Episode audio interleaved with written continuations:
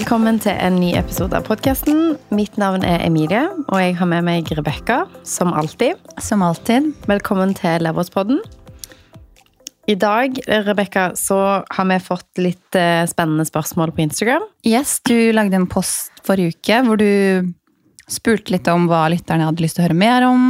Mm. Eh, hva vi burde snakke om, og da kom det inn veldig mye gøy. Det gjorde det. Eh, jeg har eh, merka meg flere av spørsmålene, og vi kommer til å snakke litt igjennom noen av de nå. -hmm. Et av de spørsmålene som kom inn, som jeg tror eh, er veldig i tråd med mye av det innholdet vi lager, og det er en lytter som ønsker å høre mer om boligstyling business, men òg det å starte opp en bedrift når du har et lite marked. F.eks. å starte en bedrift i en liten by eller et tettsted og oppfølging til det spørsmålet var òg hvordan går man fram uten utdanning, i hermetegn. Både i jobben man utfører, og spesielt mot kunder. Mm. Jeg tenker jo det er et veldig godt spørsmål. Mm, absolutt. Fordi det er jo veldig mange bedriftseiere eller folk som endrer karriere oppimellom, finner ut at de skal prøve noe nytt. Mm. Det er jo først veldig viktig å si at det er jo veldig mange eh, yrker som man må ha en utdanning til. Ja. Som leger, sykepleier, Ingeniør. ingeniører Altså veldig mange. Vi kan sikkert ramse opp her. You get it? Mm. Og så er det mange ting som man kan lære seg. Ja. Altså, For å være gründer nødvendigvis, så trenger man ikke ha noe spesiell utdannelse. Jeg tror det er veldig mange skillset man kan lære seg. Mm. Altså jeg tenker jo at Det, det fins eh, yrker som man bør ha en bakgrunn eh, og erfaring i, mm. og andre hvor man på en måte lærer mye av det underveis, og hvor man kan bruke overførbare ferdigheter fra andre ting. I veldig mange kreative yrker, f.eks. Er man kunstner eller er man kreativ, så begynner man et sted. Man kanskje begynner eh, med å male bilder som en hobby før man satser fullt på det, f.eks. Mm. Så det vil jo si at man egentlig har jo et form for talent som på en måte altså Man kan jo lære det, man kan jo studere ulike kunstformer, men mm. du kan også ha bare malt mye, og så blir du kunstner, på en måte. Mm. Eh, og det samme jo gjelder jo folk som Kanskje de har fått eh, øynene opp for håndarbeid, begynt å strikke, og så lager de vesker. Det er alltid det som er ditt eksempel, det med de strikkene. Er det sant? Ja, har jeg gjort det før? Ja. ja det men, men, det er jo sant. Altså, sånn, jeg tror at um, de aller fleste som er gründere, har jo én bakgrunn. Kanskje noen er mer relevante enn andre i en sånn ja. bakgrunn, men veldig mange blir jo gjerne gründere i noe de ikke har en utdannelse i. Sånn som for eksempel oss. Vi har jo begge studert økonomi og generell altså business, internasjonal mm. business eller kommunikasjon. Mm. Og selv om de tingene, eller den utdannelsen har lært oss ting som gir oss byggesteiner for det å drive bedrift, alt fra liksom forretningsføring til avtalerett eller til basic økonomistyring, eh, så er jo det på en måte òg ting som eh, man aldri kunne kommet borti på skolen, som man lærer underveis. Mm. Um, og jobbene vi har hatt før det vi gjør nå, har jo òg lagt føringer for hvordan vi har bygd opp bedriften vår. Jeg tror det er jo litt sammensatt, for jeg tror Du og jeg hadde jo et utgangspunkt som gjorde at vi hadde en del sånn bedriftsforståelse, hva som var viktig når du skulle starte opp, hva man må tenke på, relasjon til mennesker, så var det veldig mange ting man ikke kunne. Mm. Altså sånn Vi hadde jo ikke studert eh, kun for å egentlig bygge en bedrift. Det er jo noen studieprogrammer som er sånn nå, som er kjempeflott. Mm. Men vi hadde nok studert mer av det å være del av noe annet, eller ha en mer sånn bredere forståelse innenfor økonomi og, og finans, markedsføring, som du sier da, som gjør at vi kunne tappe inn i litt sånn ulike retninger, egentlig. Mm. Og det er sånn uavhengig av hva bedrift du skal starte, så er jo liksom jeg vil si at Er du f.eks. økonom som bakgrunn, så har du jo en fordel fordi at man gjerne har fått en introduksjon til ting som regnskap, forretningsføring, forretningsutvikling, avtalerett, markedsføring eh, Veldig mye av de tingene eh, i studiene. Men mm. det å gjøre det i praksis er jo veldig annerledes. Og det er ja. mange som studerer f.eks. entreprenørskap som gjerne ikke blir de beste gründerne. Fordi noe med det å være gründer handler jo òg om å gutse. Og ja. tørre å satse og velge litt andre veier. Så hvis man på en måte har studert gründer- eller entreprenørskap, så eh, har man jo i hermetegn kanskje valgt en litt sånn safe vei. Man får kanskje et bra nettverk til å liksom bygge seg videre. Men jeg kjenner ingen gründere, tror jeg, som har studert entreprenørskap. Alle jeg kjenner som har starta egne bedrifter, har studert helt andre ting. Jeg, har, jeg kjenner noen som har studert entreprenørskap, ja. men de har da endt opp på egentlig sånn, jeg har en faste jobber hos noen andre. Ja, sant. Eh, og jeg, jeg har tenkt litt på det, jeg tror vi har snakka om det før òg, at hadde jeg visst alt man skal gjennom, Mm. som man kanskje da lærer på den skolen, så hadde man vet ikke om man hadde valgt det. Det er akkurat det. Og det er litt sånn du- der at Da vet du hva begrensninger eller kanskje risikoen som du på en måte kanskje er litt naiv da, eh, for. Definitivt. Altså, hvis du tenker at man har um, Hvis du vet om alle fallgruvene Mm. i forkant, så er det jo betydelig mindre sjanse for at du hopper uti Ja. og tar risikoen allikevel. Mm. Mens eh, det å f.eks. få en god forståelse for økonomistyring kan jo gi deg liksom mer tryggheten for å si at ok, jeg forstår de basic prinsippene her, jeg forstår på en måte der man er god med kunder, man har jobbet mye med salg. altså man man skjønner på en måte del av hvordan en forretning funker, Ja. og at istedenfor å fokusere på de tingene som gjør det vanskelig å drive bedrift, så fokuserer man på muligheten. Ja. Og veldig mange av de største gründerne i Norge har jo ikke noe spesielt eh, utdannelse. Eller mange av de aller største har jo ikke det. ja. Um, og de har gutsa og tatt store sjanser, og så har de bygd opp eh, selskapene sine, så har de gjerne tatt Altså når du bygger en bedrift til en viss skala Jeg tror det, det er veldig annerledes å være eh, leder for en gruppe på 10 og en gruppe på 150 og så en gruppe på 1000. Så det krever veldig andre skillset. Så jeg tror veldig mange av de har kanskje etterutdanna seg etter hvert for det å lede ledere, eksempel.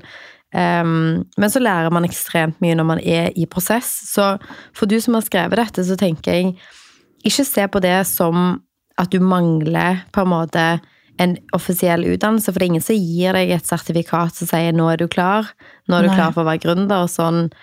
Vi har jo på en måte lært ekstremt masse. Hadde vi visst mye av det vi har gått igjennom nå, så kan det jo godt være at vi hadde vært veldig fraråda fra å i det hele tatt starte bedrift. Ja. Fordi at man kommer opp i ganske mm, spesielle situasjoner, man har mye press, det kan være likviditetskviser, det kan være uenigheter med kunder eller leverandører. altså det at du ikke vet det, gir deg jo òg en veldig sånn stå-på til å få det til, da. Mm. Jeg tror du må ha Du bør tørre å stå litt i det, på en måte. Og så er det jo sikkert ulike businessmodeller som man kan ta. Eh, Du kan jo velge å bygge det opp veldig sånn sakte, men sikkert. Ta litt sånn baby steps. Mm. Og så er det noen som kan ta dinosaursteg. Jeg Ja. føler du jeg har gjort noen ganger, at man bare hopper litt rett i det. Og vi analyserer jo risiko, men kanskje liksom ikke tenker så mye på, på en måte, utfall, fordi det ordner seg uansett. Mm. Som gjør at man også da noen ganger da får litt mer vondt i magen i ulike situasjoner. På godt og vondt. Så jeg tror liksom jeg tror, jeg tror man kanskje må heller se litt mer på person.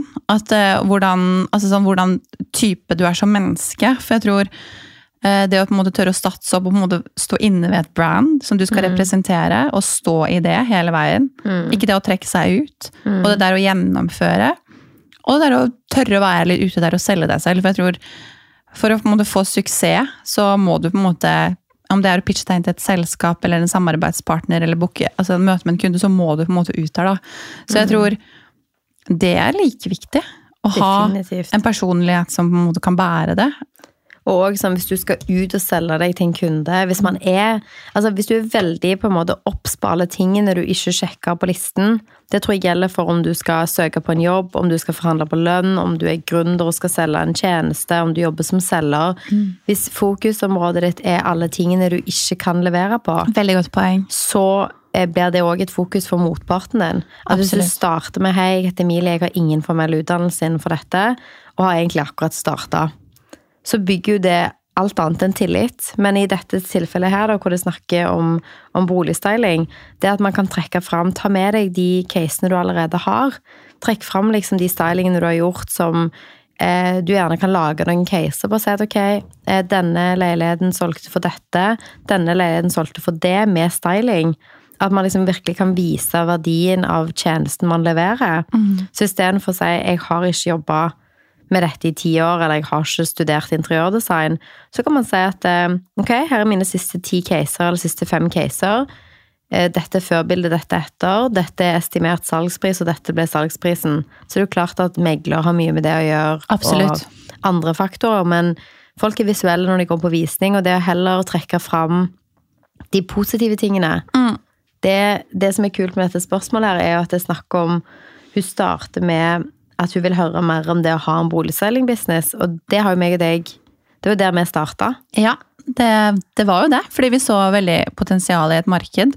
Vi var litt nysgjerrig på for det første, hvordan funker det? Og så tenkte vi sånn eh, Dette er lett, det kan vi klare også, men vi kan klare det bedre. Og vi tenkte sånn Ok, det krever det her og det her, det får vi jo til. Og så prøvde vi å liksom gjøre litt sånn regning på eh, startup-kapital og sånn. Altså sånn. Bare for å si det sånn, det er ikke nødvendigvis en veldig lett ting. Men det var det vi på en måte tenkte det var. Vi tenkte at det- var noe vi interesserte oss for. Vi så en mulighet, og vi så en mulighet til at ok, med de prisene som det var lokalt i markedet hos oss, så kunne vi kjøpe inn en hel styling bare vi booka den første jobben. Og så brukte vi jo liksom bilder fra em, egne stylinger som vi hadde gjort i egne hjem, og før- og etterbilder, Og for hos- å få den første ja. jobben. Em, og det starta vi jo med, men jeg vil si at et tips er jo å prøve å tenke når du er gründer, og hvis du holder på med boligstyling spesielt, som er veldig eh, arbeidsheavy, det er mye løfting, bæring, kjøring, rigging. Eh, prøv å gi deg sjøl en fiktiv timespris. Og hvis noe er billigere enn din fiktive timespris, så outsourcer du det. Det vil si at meg og deg gjorde den samme vurderingen. Vi Ja. booka på logistikk, vi booka på eh, bærehjelp som hadde bil. Da Ja. slapp vi å leie bil, og så slapp vi å rigge sjøl. Og det, ja, Da fikk vi mindre margin, men det vil si at vi kunne gjøre flere jobber fordi meg og deg var ikke så fysisk slitne. fordi hvis jeg, så, jeg husker at I starten så var det jo litt sånn du og jeg gjorde det fysisk også for å holde kostnaden nede og bygge litt kapital. ikke sant? Eh, Fram til vi faktisk booka på noen, så så vi at ok, men da rekker vi kanskje tre jobber om dagen. da, Uten å være fysisk slitne eh, når vi var ferdig. Ja. Så turnoveren på en måte, Vi jobba smartere. Og vi fikk gjort flere jobber, så vi kunne liksom omsatt for mer. Så hadde kostnadene våre økt litt, fordi vi måtte outsource en del av, av jobben. Men sånn, for vår del så lønte det seg så totalt sett. Så tilbake til det med boligstyling og liksom starte det, så tror jeg jo at for alle som vurderer f.eks. det, sett deg litt inn i hvordan businessmodellen funker. Ja. Jeg husker du og jeg sleit litt med å finne ut av hvordan gjør folk det med lager. Hvordan bryter de ned kostnad, hvordan priser de seg? Fordi Hvis du går inn på veldig mange som driver boligstyling, jeg tenker det er veldig fint som eksempel, så har de ulike priser, men så har du tillegg for ulike ting. Og Hvis ikke du har kjøpt en boligstyling, så, eh, så er det vanskelig å finne ut av, i hvert fall sånn i starten, før du begynner å jobbe med megler, hvor du skal legge deg litt. For vi fant jo ut at det er flere tillegg man kan tjene på her. Og det er mange ting som er sånn Se at du skal style en leilighet i fjerde etasje uten heis, og du skal egentlig bære opp en hel leilighet opp Det fire etasjer. tar jo veldig mye lengre tid. Det tar mye lengre tid, og det kommer til å være noe som gjerne det fraktselskapet tar mer for. Så de tingene var viktig å avdekke, liksom, hva er egentlig kosten? Og så var det liksom sånn for meg, jeg nerda litt ut og gikk inn på Proff og fant alle som drev med boligstyling i Oslo. Sjekket regnskapene til alle sammen. Så på hva marginer liksom, de hadde ut fra salgsprisene på nettsidene sine og sånne ting. Og så begynte vi å se at ok, for at vi skal på en måte tjene på dette, så trenger vi volum på caser. Vi trenger mer jobber. Og Ja. da må vi klare å ha liksom Da må vi ha langsiktige avtaler med leverandører som kan hjelpe. Vi trenger gode innkjøpspriser på stylingmøbler. Man trenger på en måte å jobbe og, og lage liksom avtaler med forskjellige meglerhus, sånn at man på en måte har fast inntekt. Ja. Så der er det jo litt sånn Det er mye læring og feiling i starten. Jeg tror-. Boligstyling er kanskje en av de mm, tingene vi har gjort som vi har lært mest av. Mm. Eh, og så blir det, er det veldig gøy, og jeg tenker boligstyling eh, som et eksempel for oss da, som begynte der. Vi gjorde en del research før vi starta, og så var det utrolig mye ting vi fant ut av i prosessen. Og det tenker jeg er veldig viktig for alle som skal starte andre ting også, at du lærer ganske mye, men når du først begynner å jobbe, Ja. så får du så sykt mye mer input. Så de som har litt sånn derre terskel for å starte, og liksom, jeg har ikke nok info, så kommer det egentlig ganske kjapt. Altså, I hvert fall i det til vårt tilfelle, når vi begynte å jobbe. Og spør òg sånn For eksempel hun som har sendt inn dette spørsmålet her.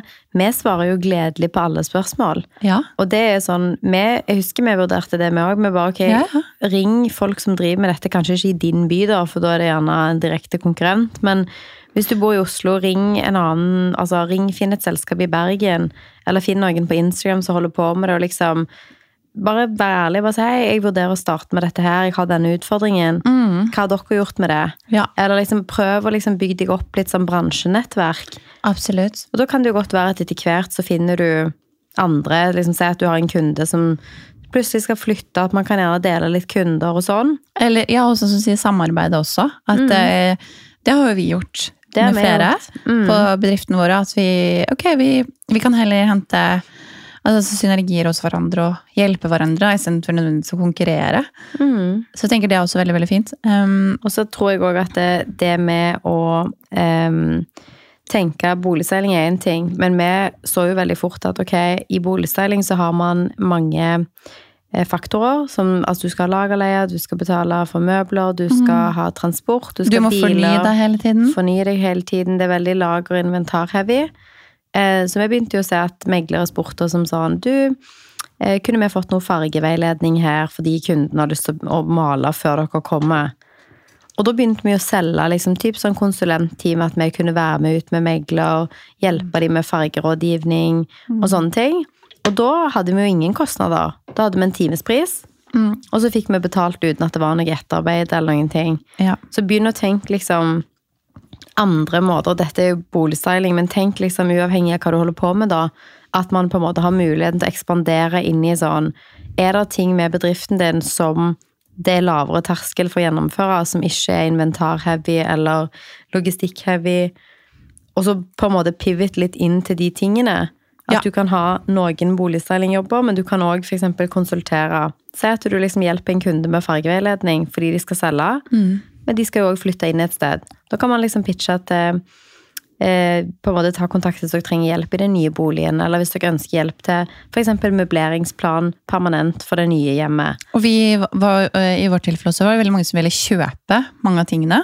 Det er sant. Og det vi også så, var at eh, ok, hvis vi hadde kjøpt denne sofaen på Ikea, eh, og så ville kunden gjerne kjøpe den, så så jo vi at ok, vi kan godt selge den til kunden, men hvis det krever at vi da må på en måte kjøpe dra til Ikea, kjøpe ny sofa, montere sofaen.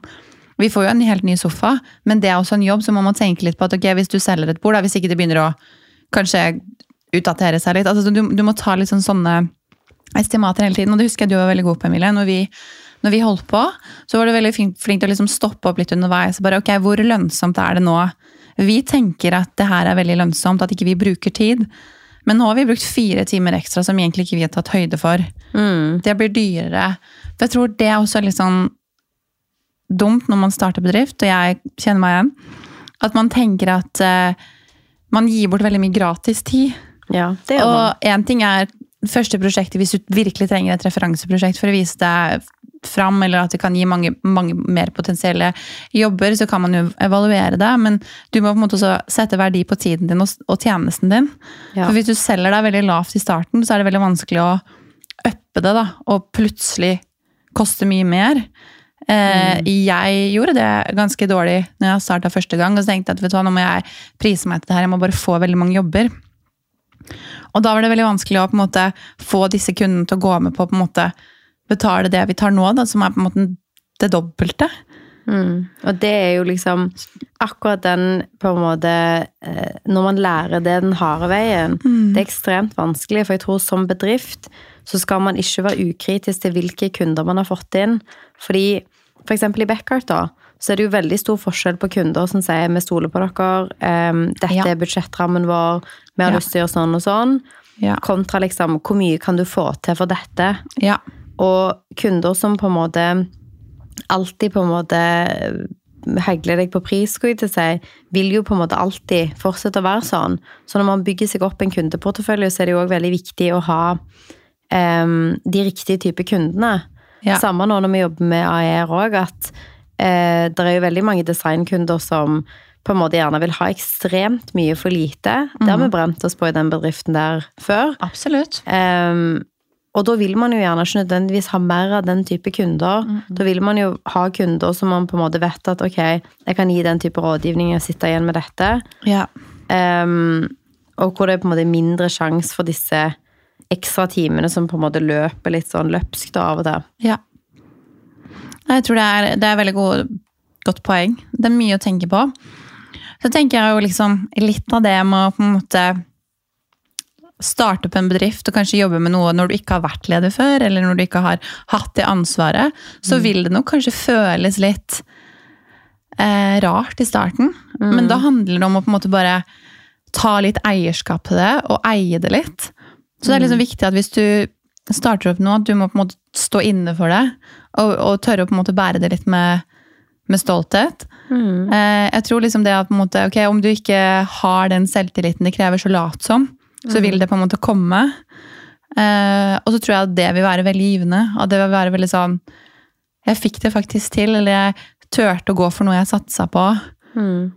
Og det, og det tror jeg er litt viktig, for hvis, sånn som du sa litt når du kommer inn i møter, da, så må du ikke unnskylde deg. Du må på en måte tenke, tenke at ok, her har jeg et produkt som er kjempebra, eller en tjeneste som fungerer kjempebra. Mm. Og det er jo sikkert en grunn for at man har starta opp med disse tingene. Så tenker jeg at hvis du har, hvis du har så tro på at du, at du kan gå inn for det her, så tror jeg du har en veldig god sjanse for å selge det, altså sånn, selge, det, selge det til kunden også. Absolutt. Det er et kjempegodt poeng. Ja, så Du kan liksom ikke tvile på deg selv der, da. Nei, og så er det òg viktig at du beskytter på en måte det du har skapt. For det er veldig mange når du kommer ut der og har starta en bedrift som gjerne ønsker å ta og utnytte det, da. Ja. Enten å få veldig rabatterte priser eller liksom Så det òg er ekstremt viktig. Du som gründer, selv om du kunne ansatt deg sjøl, det er veldig viktig at du passer på din egen At du ikke pisser deg på leggen, skulle jeg si, for å holde deg varm. Fordi som en nystarta bedrift, så er det mange som har lyst på Mange har lyst på rabatt, og mange har lyst på gratis arbeid. Mange er sånn 'Å, se på en fantastisk mulighet for deg til å komme her og jobbe gratis'. Den type ting. Og det er jo bare piss. Det er Ja. ingen som har lyst til å komme og jobbe gratis for en bedrift som tjener penger. Absolutt ikke. Jeg tenker jo, jeg tenker jo Et godt eksempel jeg har også fra, fra egentlig Beckard, når vi starta der, var jo at nå har vi vært gjennom masse konsepter, og vi har hatt ulike leveranser i ulik ska, skala. Men i starten så var jo ikke det tilfellet. Da hadde jeg gjort noen jobber her, og, og noen jobber der, litt via andre selskaper, litt via, litt via produksjonsselskap i USA, men jeg hadde ikke veldig mange konkrete caser å vise til i Norge. Eh, og så fikk jeg jo forespørsler på å, kan du, kan du gjøre det her? Kan du, kan du lage halloween? Halloween var et veldig godt eksempel. Kan du lage noe konseptuelt for halloween? Og jeg hadde jo ikke en referansecase på akkurat det. Og det tror jeg kanskje kan være altså gjennomgående hvis du jobber i kreative yrker som grafisk designer. Kanskje ikke du nødvendigvis har lagd akkurat en portefolio på det, men du har lagt noe lignende. Og det er også lov å si som du sa. Eh, min erfaring fra det og det og det prosjektet gjør at jeg føler meg trygg nok til å levere på det her. Og så kan du bygge opp argumenter med at ok, vi kan gjøre det sånn og sånn, men komme med noen forslag, rett og slett. Og det er jo liksom En ting er jo hvis du selger tjenester som er veldig konkrete, men når det kommer til kreative yrker, jeg tror at folk kanskje kan prøve seg litt der. Fordi ok, du har kanskje ikke designa julekort før, vi vil ha et grafisk julekort, men du har designa et magasin, så vil jeg jo tro at det er litt det samme. Ja, herregud, sånn Hvis, eh, hvis jeg kommer og bestiller boligstyling hos deg, så er jeg jo egentlig uinteressert i om du har gjort akkurat den stua før. Altså Så lenge du kan vise meg at du kan style, eller Men noen bruker det som argument, og det tror jeg er liksom litt viktig for de som starter opp. at Nei, jeg har ikke gjort akkurat dette konseptet, og det er jo samme som vi kommer med altså sånn, Vi gjorde et stort konsept i, i våres hvor vi aldri hadde lagd noe lignende, men vi hadde gjort veldig mange elementer som var på en måte i samsvar med det på en eller annen måte. Men òg sånn eh, Veldig mange kommer for eksempel til oss for ting som ingen har lagd før. Og det er, Ja. sånn, det er jo umulig å ha en referanse på det. Ja. Sånn at hvis eksempel i ditt tilfelle med halloween, da, Ja. så ville jeg jo bare tenkt at ikke fokuser på at du aldri har gjort det før, og bruk andre referanser man har, men lag et moodboard basert på det du ville gjort hvis du hypotetisk fikk den jobben. Og da har du jo allerede gjort jobben. Ja. For ofte så pitcher man jo på ting som gjerne ikke har blitt lagt før, eller liksom Som på en måte ikke er Det er jo ikke noe håndfast, det er akkurat det du vil at det skal være. Absolutt. Jeg syns det var et skikkelig bra spørsmål. Veldig bra spørsmål. Vi ønsker deg i hvert fall eh, veldig eh, lykke til. Det er spennende, og det er eh, Jo, det er en del ting, eller en til ting i det spørsmålet som vi ikke har svart på. og Ok, men det må vi jo gjøre. Det er Hun spør òg om hvordan det er eh, å starte en bedrift i et lite marked. Og det føler jeg at du, Rebekka, fordi du starta en altså event, dekor, styling, konseptutvikling-bedrift i noe som du gjerne ikke visste For deg var det jo ikke et marked, det var ingen andre som gjorde det. Nei. Det var masse eventbyråer som hadde egne inhouse. Men da var det jo i sammenheng med at de hadde store kunder, så skulle man gjøre masse på kunden. Ja. Men det var ingen som drev med akkurat det du gjorde. Så du hadde jo et lite marked. Hva er dine tips? Altså, min tip, mitt tips var jo litt at eh, jeg så det var en mulighet her. Da, for at måte, det, er, det er kanskje noe det markedet har behov for. Det visste jeg, for jeg hadde jobbet et års tid Mm. i bransjen. Og så tenkte jeg sånn Ok, jeg ser at, ser at det er behov for noe som ikke eksisterer. Eh, så jeg var jo litt heldig. Så, så tenkte jeg sånn Da var jeg sånn Ok, det her er et lite marked. Vet ikke hvordan det kommer til å gå. Mm. Vi har snakka om litt sånn mål og sånn tidligere. Så tenkte jeg sånn, Enten så går det, eller så går det ikke. på en måte. Men så tenkte jeg liksom hva mulighetene kunne være. og så tenkte jeg sånn, Det, kan være, det kan, kunne være veldig mange ting. I starten så hadde jeg nok litt problemer med å definere hva det skulle være, og hva jeg kunne levere på. Det kunne være veldig, veldig mye, da. Mm. Eh, så jeg tror til og med når jeg markedsførte det, så sleit folk litt med å forstå hva jeg skulle gjøre. Fordi det, det eksisterte ikke. Det så det var sånn, ah, okay, hva er det du egentlig gjør? Ja. Uh, men det, det jeg så, da, var jo at når jeg hadde liksom lagd en pit, et pitchdekk for meg selv, Mm. som gjorde det mulig for folk å forstå, så fikk jeg jo jobber. Ja. Og det som var helt gull, var at jeg fikk jo veldig mange jobber. Jo, det var jo ingen som gjorde det. sånn at Det var et lite marked, men det var et marked der. Man kunne ta monopol. Ehm, og, så, ja, og så vokste det derfra. Mm. Jeg vil også referere til tilbake når vi starta AER. Fordi boligstyling begynte å bli veldig populært da. Mm. Jeg føler at det er kanskje de siste fem årene at boligstyling har vært kanskje veldig aktuelt. Når man skal selge kanskje før det også. Ja, For det var mange meglere vi snakket med som var sånn Nei, vi bruker ikke det så mye. Ja, og jeg kan ikke huske liksom det fra så mye tidligere. Nå har ikke jeg kjøpt så mye boliger, altså jeg har ikke kjøpt Ja, ja. bolig mye. Men, men det jeg husker var veldig viktig da, vi om, så var jeg sånn, ja, men hvis vi skal gjøre det i Oslo, så skal vi også gjøre det i Sandefjord og Larvik. Og da kan vi snakke om marked. Fordi i Oslo, i storbyene, så var det i hvert fall et marked for boligstyling. Mm. Det var Men- flere aktører som gjorde det. Mm. Men i, i Larvik eh, og Sandefjord så var det også et marked. Men det vi, det vi så, var jo at det var jo altså sånn, det var jo ikke penger å hente i det lille markedet. Altså, jeg, skjønner, jeg skjønner i fortsatt ikke til den, den dag i dag hvordan noen for tre år siden kunne fullstyle et hus i Sandefjord for 8000. Ja, for det vi gjorde var at vi sjekka prisene. For grunnen til at vi var interessert i det området, var jo at Ja. vi hadde en, en tredjepartner som bodde i det området.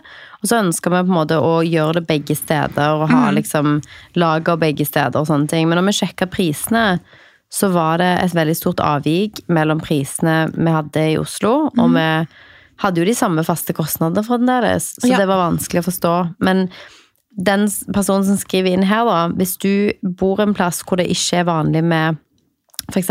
boligstyling i dette tilfellet her, men det er jo vanlig å selge eh, Man vet jo at det er masse pluss med boligstyling. Man får som oftest høyere pris. Så kan du lage et marked for det, eller liksom Ja, det, sånn, gå inn på et marked, på en måte. det som er fint med boligstyling, er at du trenger ikke finne opp hjulet her. Nei, Folk nei. vet allerede at boligstyling lønner seg. Du får 100%. Høyere omsetningstid på boligen, de selger raskere, ofte over takst. Sånn at liksom, hvis det ikke er like populært i det området du bor i, så er jo i hvert fall argumentene for boligstyling allerede funnet på. Ja. Sånn at bruk på en måte det, de casene man har, hvis man har fått gjort caser. Drill meglere man jobber med på fordelen med å bruke boligstyling. ja. Fokuser på liksom faktiske caser du har å referere til. Ja, og det tenker jeg også som det du sa, drille en, en megler på. altså sånn, Skap et marked der det nødvendigvis ikke er det. Ja, Skap et- marked blant selgerne, for Ja. de vil også ha høyere, de vil ha høyere salgspris. Må- de vil ha raskere omsetningstid. Gå for de. Du må jo på en måte selge inn hva det er. Ja, godt for, sorry, jeg avbrøt deg. Nei, nei. Men altså sånn at, at liksom sånn Meglere vil jo selge. Meglere vil jo at boligen skal ligge ute så, så lite tid som mulig. Ja, og så tenker jeg jo liksom, hvis vi ser på et lite marked sånn generelt, da. Eh, hvis vi tar liksom bedrifter ut i liksom distriktene, så er det jo mange små steder som også har behov for ulike tjenester. Kanskje man må spre seg litt eh, større, men det er jo veldig mange steder som ok, kanskje de trenger en kafé, eller de trenger en frisør, de trenger en mekaniker, sånne ting. Så det, det vil jo finnes marked, eh, eller sånn finnes områder å jobbe på også selv om markedet er lite. fordi så lenge folk har behov for tjenestene dine, så kan markedet være li- lite. Så lenge det gir deg på en måte nok business til å gå rundt, da. Og der er jo en ting som jeg lærte tidlig med boligstyling, var jo at det, fordi at vi følte marginene våre der vi var, eh, ikke liksom, Vi hadde ikke volumet til å få de marginene til å gi mening. Ja. Så lente vi oss jo mer inn i disse timene som vi solgte. 100%. Vi solgte veiledningstimer som førte til interiøroppdrag, som førte til eh, interiøroppdrag for bedrifter og Ja. næringsbygg osv. Og, så og det er det Ayer har blitt i dag. Så liksom len deg inn i de tingene som du ser at ikke gjerne er geografisk eh, bonde. Ja. Er du et lite sted hvor markedet er voksende for boligstyling, men du ser at du kan gjøre digitale konsultasjoner på interiør, du kan hjelpe kunder med fargeveiledning over nett, så kan man jo på en måte lene seg inn i ting som ikke er geografisk låst. da. Ja. Jeg tenker jo også at uh, når man jobber i ulike markeder, selv om det er små eller store, så må man jo også, også så, kanskje tilpasse seg litt til markedet. Det føler jeg vi også gjør. at liksom, Veldig bra å stå og på en måte stå på den, i den veien man har starta, men hvis man skal også Man må jo også tenke litt sånn business når man driver bedrift. At du må jo også på en måte rette deg litt kanskje dit markedet går, da, for å, for å henge med. Det er litt sånn viktig at jeg tror veldig mange sånn, velger å stå i, i, i ting fordi de har gjort det alltid. Ja, Du det du sant, ser det. jo kanskje på eh, altså Ikke nødvendigvis alle, men du, du kan jo tenke bedrifter som har holdt på i veldig veldig mange år, som er dårlige på å fornye seg. Mm. Så står de bare der, og så blir de kanskje tatt igjen av andre fordi de skal gjøre ting på sin måte, ikke nødvendigvis følge markedet. da. Ja. Så jeg tror det er altså en ganske god ting, at man holder seg litt sånn oppdatert, og så leverer man på det, de tjenestene det er behov for. Det er veldig sant. Er det noe mer på det spørsmålet? Du, Dere skjønner. Føler jeg at vi har svart ganske utfyllende på det. Jeg tenker jo at Dette er jo relevant for alle som eh, har lyst til å starte eh, Nå er det jo boligstyling vi har diskutert mye her, men det er jo overførbart til alle typer bedrifter. Ja, jeg tenker liksom Utgangspunktet her er jo ganske likt. Ja, Det å starte bedrift uten å ha nødvendigvis utdannelse i det feltet, og det å starte på et lite sted eller i et lite marked. Ja. Så håper vi at det hjelper vår lytter som sendte inn, og så oppfordrer vi alle som har noen spesifikke spørsmål til å ta kontakt via DM. Sende det inn. Absolutt. Vi snakkes i neste uke. Ha det. Ha det!